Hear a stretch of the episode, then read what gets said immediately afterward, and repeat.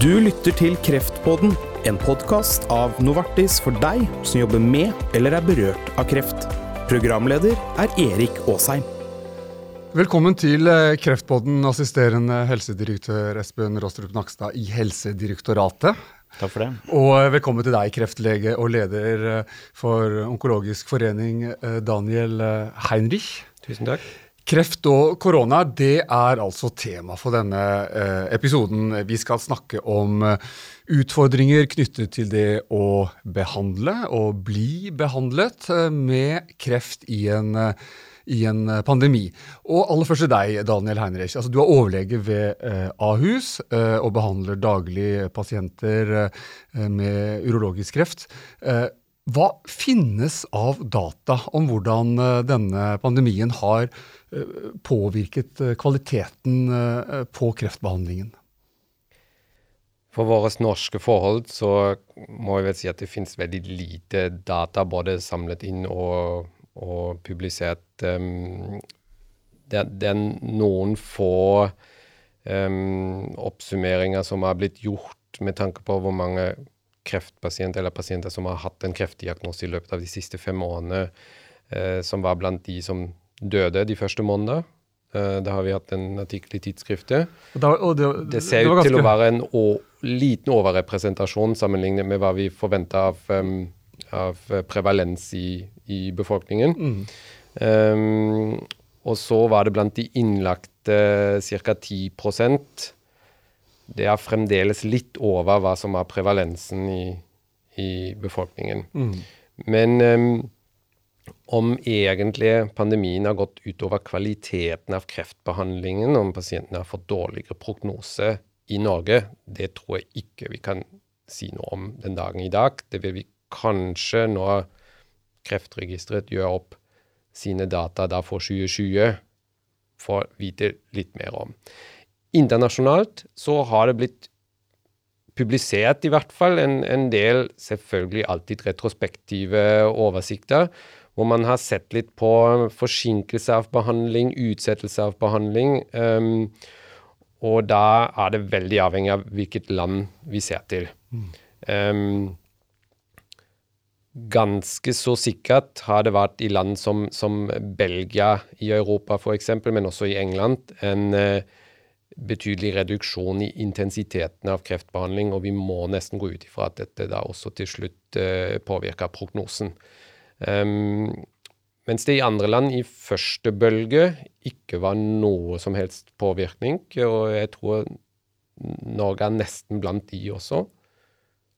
Vi hadde forberedt oss på å ta ned behandling ganske mye, redusere cellegiftbehandling, erstatte det kanskje med immunterapi eller lignende. Og det skjedde um, ikke? Det skjedde til en viss del i en veldig kort periode. Okay. Kanskje fra omtrent primo mars til uh, etter påske i fjor. For, for, det, hadde, det, hadde dere ønsket å gjøre, det, det var rett og slett fordi det er færre bivirkninger med, med immunterapi, og, og, at det er lettere å måtte gjennomføre den, den behandlingen? Riktig. Begrunn, begrunnelsen vår denne gang for å anbefale det, eller i hvert fall anmode at man skulle vurdere det, var at eh, cellegiftbehandling gir en høyere risiko for at man havner på sykehuset pga. komplikasjoner. Ikke, mm. ikke pga. covid, men pga. komplikasjoner. Um, sykehusene var fulle med, med covid-pasienter, og, og der kunne det oppstått prioriteringsproblemer. Hvem skal man legge på en intensivseng osv. Hvem skal få respirator, ja, ikke sant. Vi ville redusere risikoen for denne type eh, prioriteringsproblemer. Um, og, og, noen sykehus, særlig i Helse Sør-Øst-regionen, der, der, gjorde vi også tilpasninger. Mm. Um, interessant nok så var det tilpasninger som vi gjorde, som var helt annerledes enn andre steder i Europa. Mm. Jeg snakka med kollegaer fra både fra Kroatia og Belgia, og de ga mer cellegiftbehandling før en planlagt operasjon i den første pandemibølgen, fordi de hadde ikke operasjonstimer. Altså de, de, de ble rett og slett operasjonsstuene stengt. Mm. Mens hos oss var jo kreftoperasjoner aldri utsatt. De, de, eh, de ble gjennomført som planlagt, også i mars og april. Um, så, så, vi stoppa faktisk en del cellegiftbehandling før operasjonen, bare for å få pasientene raskt operert, og ikke utsette dem for en, en potensiell sykehusinnleggelse. Så, så ganske annerledes forhold her i Norge enn det vi, vi, så i andre land i Europa. Kanskje vi sklir litt mer mot de samme forholdene som, som det finnes i andre land nå, men, men vi, vi, gjør det jo veldig bra fremdeles i Norge, gjør vi ikke det, Espen? Ja, ikke sant. Espen Rosterud Nakstad, du er assisterende helsedirektør. Eh, ikke sant? Altså, nå hørte vi jo at, at, folk som er under behandling altså Det har stort sett gått slik som mm. var planlagt, operasjoner osv. Men, men det er jo én ting. Men, men, i forhold til da uh, det å diagnosere folk altså uh, Vi vet jo f.eks. at, uh, at at færre har eh, gått til fastlegen med sine kreftmistanker. Helseministeren har også vært bekymra for det, fordi det har vært en ganske kraftig nedgang i antall kreft, kreftdiagnoser. Hva, hva, tenker du om det? Nei, eh, Her er det jo flere ting eh, som på en måte det har vært grunn til å bekymre seg for og også følge nøye med på. Det ene er jo det som dere er inne på, at, at det har vært viktig at spesialisthelsetjenesten har kunnet fungere godt, og at planlagt operasjonsprogram blir gjennomført, ikke minst på, for kreftsykdommer. Eh, det har vært viktig, det har vært en høy prioritet i sykehusene. Eh, og, og når det gjelder belastningen på sykehusene, sykehusene, kan man si at eh, når den første pandemibølgen traff da i mars, så var det på det meste helt til slutten av mars, overgangen til april, 325 pasienter innlagt på norske sykehus, mener jeg husker. Og det var vel oppunder 100 på intensivavdeling på det meste. Det var en krevende situasjon for sykehusene fordi det var et nytt virus. Man manglet en del smittevernutstyr. Man gikk aldri tom for det, riktignok, men det er klart det var en del ting som gjorde at dette ble veldig annerledes. Eh, og som gjorde at en del eh, planlagt aktivitet ble, ble, ble redusert. Eh, og så tok man det uh, igjen etterslepet i størst mulig grad da, utover sommeren og etter sommeren. Mm. Men hva som da skjer på den andre siden, uh, altså i primærhelsetjenesten, der hvor folk faktisk oppsøker en fastlege og blir henvist til utredning f.eks., uh, der har jo tallene vist en nedgang på konsultasjoner, i hvert fall fysiske konsultasjoner, gjennom hele pandemien. Og det kan ha sammenheng med at folk har vært engstelige for smitte. Det kan ha vært at folk som eh, ja, At folk kanskje tenker seg om en gang til om de virkelig trenger å gå til legen denne uka, eller om de kan vente og se det litt an. Den type ting mm. spiller nok inn på hvorfor det har vært færre konsultasjoner. Og det er klart, Da blir det også færre prøver eh, tatt av alle typer. Eh, og så gjenstår det å se om dette har ført til, til færre utredninger på sykehus for disse tilstandene, og om eh, om det kan dokumenteres, og om det får konsekvenser. Og dette er jo viktig forskning å se inn på nå eh, mot slutten av eh, i hvert fall over halvveis da, i denne pandemien, kan vi kanskje mm. si vi er. Mm. Veldig viktig kunnskap eh, som også vil gjøre oss i bedre stand til å til å planlegge og drive helsetjenester ved en eventuelt senere pandemi, når man kommer i den samme type dilemmaer. Og Ifølge Kreftforeningen så har jo også 25 000 færre kvinner tatt livmorhalstest sammenlignet med i fjor. ikke sant? Så Det er jo et annet eksempel. ikke sant? Og Vi ja, vet jo ikke hvor på, mange av ja. dem som eventuelt burde fått en, eh, altså burde blitt utredet. ikke sant? Nei, og vi vet ikke hvor mange av dem som da bare er utsatte og tar det litt senere. Og, mm. og, og, så det er klart sånne faktorer spiller inn, det vet vi eh, veldig godt. Men så må jeg bare kommentere at uh, det er klart at uh, i etterkant av denne pandemien ser vi globalt, også i Europa, så er det klart at denne pandemien vil medføre det man kaller et helsetap. Altså det er mange pasienter som har fått utsatt operasjoner, og da tenker jeg ikke på kreftoperasjoner, men andre typer operasjoner. Det får store konsekvenser for helsen å ikke kunne bytte en hofte og vente et år til med en vond hofte f.eks. Altså, sånne ting tror jeg man har måttet leve med i veldig mange land. Sånn at, eh, at, denne pandemien har fått konsekvenser for andre enn dem som har covid-19, det er ganske åpenbart. Mm. Daniel, eh, i forhold til da nettopp det poenget at eh, vi vet at færre har gått til uh, fastlegen. ikke sant? Det forklarer jo Kreftforeningen kanskje med at det har vært en nedgang i antall kreftdiagnoser. Og at også f.eks. færre kvinner tar livmorhalstest, færre menn tar PSA-test altså i forhold til prostatakreft. altså og har måttet liksom med å ta den screeningmuligheten. Hva tror du konsekvensene kan bli av det? Jeg, jeg er nokså usikker på om det kommer til å bli alvorlige konsekvenser av det. Jeg tror det er en tidsforskyvning her. Jeg tror de aller fleste kommer til å ta disse testene som, som Espen nevnte, forsinket. Men eh, for såkalte screeningtester så er det jo i utgangspunktet undersøkelser av antatt friske. Og kun hvis man da får en mistanke om alvorlig sykdom, så vil det bli utredet videre. Og det er en, en brøkdel av de som skal ta testen, som heldigvis da må utredes videre. Um, og veldig ofte så, så, finner man da en sånn sykdom i en veldig tidlig fase. Det betyr at, at hvis vi går ut ifra at det var bare en kort periode fra mars til kanskje sommeren i fjor, hvor det virkelig ble en alvorlig utsettelse av av mange undersøkelser. Det har vært det også denne høsten. altså Folk har jo fortsatt å holdt seg, tenkt seg om to og minst tre ganger før, før, du går til fastlegen. De, de har nok det, men, eh, men, jeg tror nok at altså stopp i screeningprogrammene f.eks., det, mm. det var mye kortere enn det. Mm. Um, og, og, Hvis man da får en forskyvning på to-tre måneder i en ti, veldig tidlig sykdomsfase så er ikke det sikkert at det har i det hele tatt noen betydning for, for, prognosen. Og jeg er veldig sikker på at mennesker med alvorlige symptomer, eller symptomer på akutt alvorlig sykdom, rask forverring, de har gått til legen hele veien.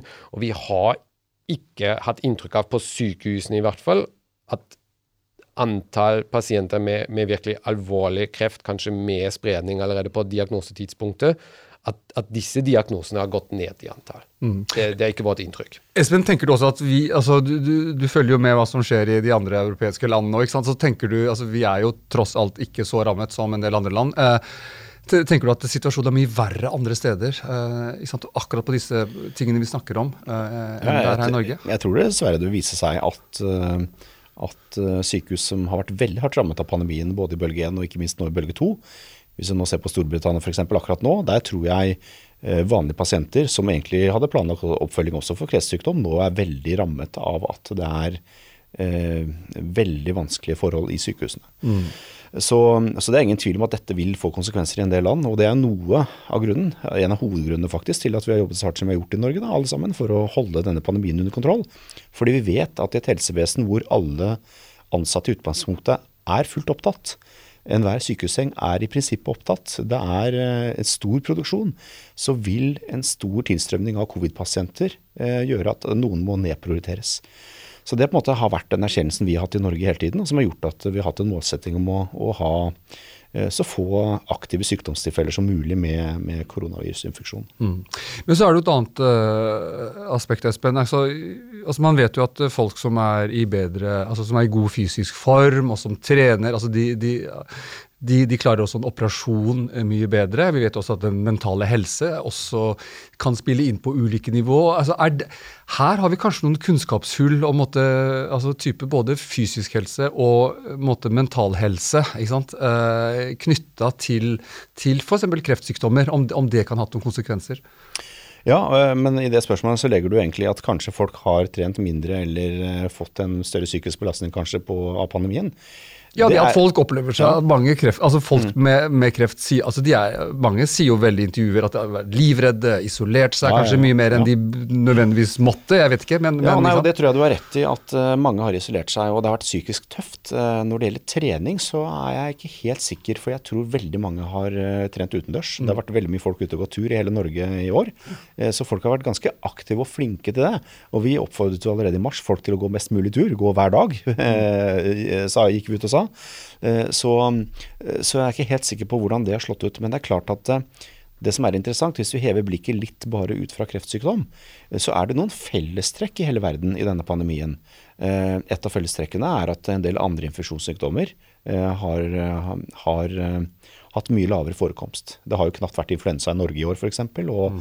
mange, andre, eh, mange, andre infeksjonssykdommer har jo knapt blitt registrert. Men det kan også skyldes at folk i mindre grad går til fastlegen og tester seg. Men sannsynligvis er det begge deler. Mm. Og så er det interessant at eh, andre alvorlige sykdommer, og da tenker jeg på kardiovaskulære sykdommer, altså hjerteinfarkt, hjerneslag osv., har hatt en lavere forekomst mange steder. Eh, og andelen premature fødsler ser også ut til å ha gått litt ned. Og dette er effekter av pandemien som kanskje kan tilskrives at folk har tatt livet litt mer med ro. Mm. Ikke stressa seg fælt, eh, sovet bedre, eh, på en måte ikke pressa seg på jobb når man er gravid f.eks. Sånne ting. Det er effekter av pandemien som også vil bli sett på ettertid. Men akkurat for kreftsykdommer så ser det i hvert fall ut for meg, ut fra det jeg har klart å følge med på, at situasjonen har vært ganske lik. Det har i prinsipp, altså Vi vet at det er like mange krefttilfeller omtrent hvert år. Det er ikke store variasjoner. Eh, det er ingen sesongvariasjoner i prinsippet heller.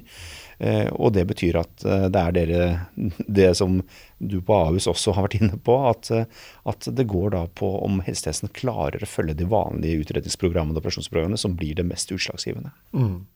Hei, jeg heter Anita Fredriksen. Og jeg er Anita Henriksen. Så fint at du lytter til Kreftpodden.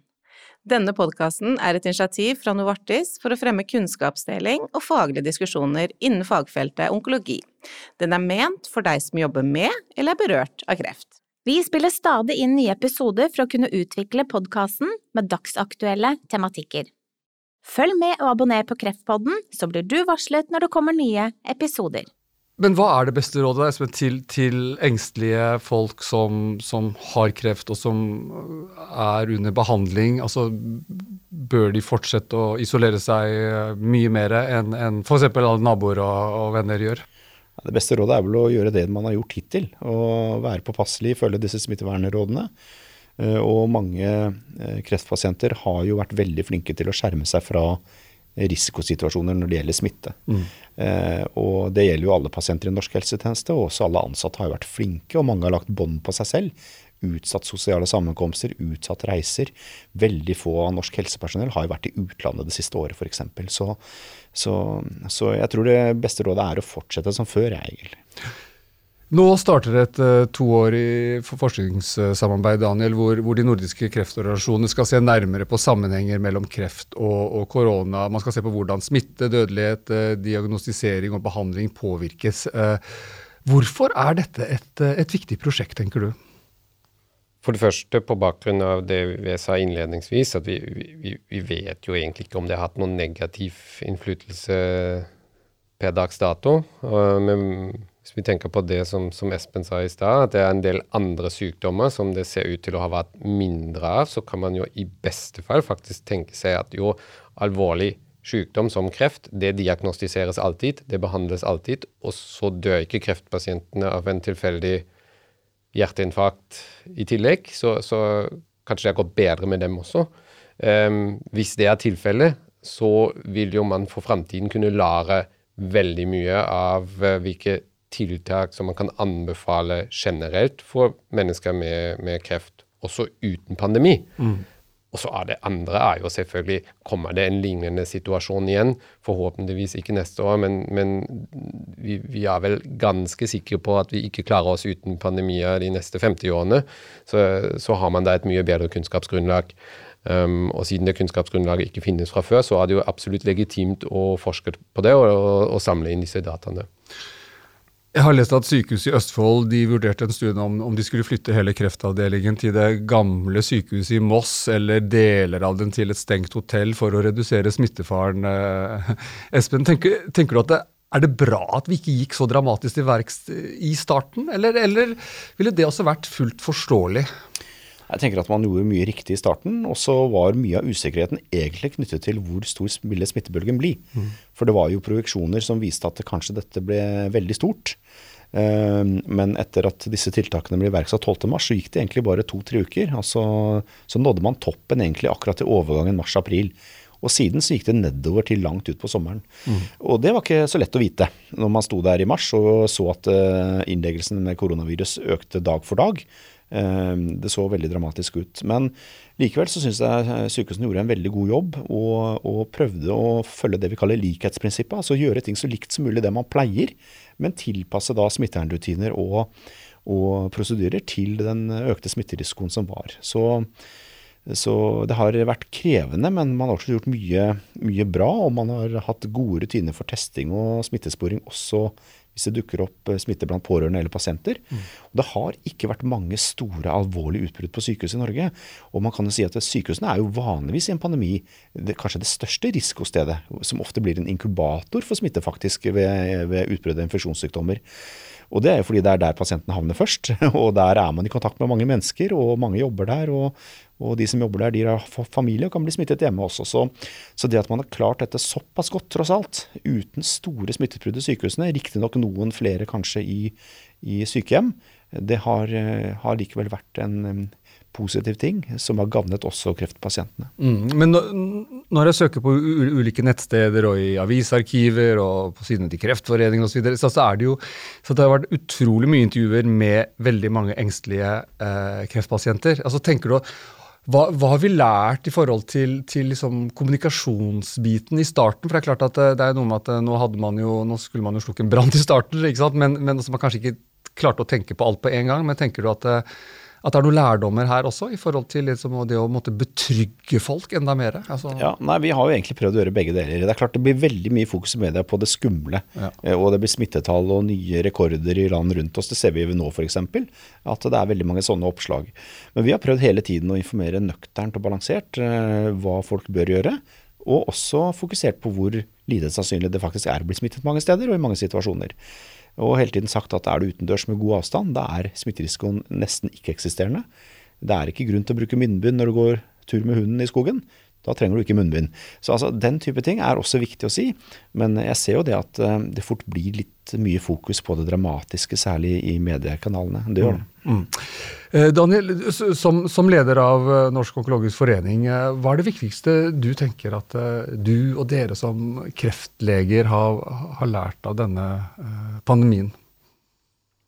En ting som er helt åpenbart, og som også eh, du Espen har nevnt her i stad, det, det, er at uh, kreftpasienter de gjør i enda større grad enn eh, alle andre mennesker det som anbefales, og det som de får beskjed om. For de er delvis livredde.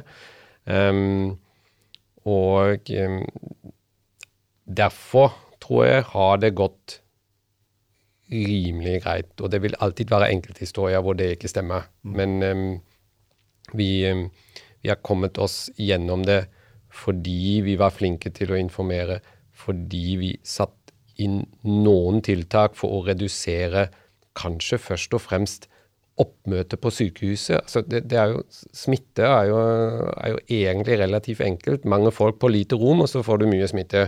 Og, og hvis du klarer å redusere antall mennesker på et sykehus, så, så, blir det mindre risiko for å dra inn noe smitte, og det blir også mindre risiko for at det, det blir smitte internt. Um, det klarte vi bra. Og så er det kanskje vel så viktig nå, med tanke på informasjon og trygghet eh, framover, når vi skal informere om, om vaksinene, og betrygge folk at det er ikke bare riktig og viktig, men at det heller ikke er noe farlig for en kreftpasient under kreftbehandling å, ta denne vaksinen. For det har vi faktisk per dags dato ingen som helst indikasjon på at det skulle vært farlig eller mer farlig eller mer bivirkningsbelastet å, å ta uh, denne vaksinen eller disse vaksinene som, som kreftpasient. Um, og det blir jo vår trolig vår vei ut av den verste delen av pandemien nå. Det um, Så jeg venter på min egen, men jeg skal si at noen av mine pasienter skal nok gå foran meg først, for de har høy risiko, og det, det, blir min oppgave de neste ukene å betrygge dem om at dette er ok. Helt til slutt, uh, Espen uh, Nakstad. Ting har jo stort sett gått bra. ikke sant? Altså Vi kan jo si, si det på mange måter, også i forhold til, til da, kreftpasienter som, som, som, vi, som, vi, eh, snakker om nå. Eh, men likevel, det er noen kunnskapshull her. og, og ikke sant? Så her er det, det er likevel viktig at forskerne Du nevnte det så vidt i stad, at, at, forskningen også nå måtte, liksom, får alle fakta på bordet, så vi vet helt sikkert hvordan, hvordan allting har gått. Ja, Det er veldig viktig både å kartlegge hvordan ting har gått, hvordan en sånn pandemi faktisk eh, påvirker folkehelsen og pasienters helse og sykehusdrift. Men det er også viktig å forske på denne sykdommen. Eh, hvordan eh, er ettervirkninger for ulike grupper? Er noen mer utsatt? Er f.eks. For, for dette som heter long covid, da, eller mm. sånne symptomer som selv de med mild sykdomsforløp kanskje plages av en stund. Og dette med rehabilitering er også en sak for de som har vært mest syke med koronavirus. Og så er det Også noen viktige læringspunkter som kanskje ikke er som en sånn ren forskning, men altså det har vært belastende for mange pasienter, ikke minst kreftpasienter, å ikke få så mye besøk mm. og være veldig isolert, også når de er på sykehus. Besøksrestriksjonene har jo vært veldig strenge. Det er klart det har mye å si for den psykiske helsen når du står oppe i en veldig vanskelig situasjon med en kreftbehandling. Mm. Så, men her er jo også dette med digitalisering, da, at folk er på FaceTime og, og, på en måte har nettmøter og også sosialt sett bruker det aktivt, har jo blitt noe helt nytt i, i sykehusene. Det er ikke mange år siden det knapt fantes internettdekning på norske sykehus. Altså Nå er det veldig annerledes. Konsultasjoner er nettbasert. Eh, vi har gjort et lite kvantesprang digitalt det siste året. Eh, og det har også pasientene gjort. Og det at vi har en podkast her, f.eks., er et eksempel på noe som ikke fantes for ti år siden. Så, så, det er mye positivt også å ta med seg, tenker jeg. Og vi må ta både det positive og det negative. Og må vi gjøre det kunnskapsbasert. Mm. Det tror jeg er veldig viktig. og Det blir mye å lære av dette i tiden framover. Mye mat for de som ønsker å forske. Mm. Det blir spennende. Da sier vi takk til dere to for at dere var med i Kreftpodden. Assisterende helsedirektør eh, Espen Akstad og kreftlege og leder av onkologisk, Norsk onkologisk forening, Daniel Heinrich. Eh, jeg heter eh, Erik Aasheim, og vi høres i Kreftpodden.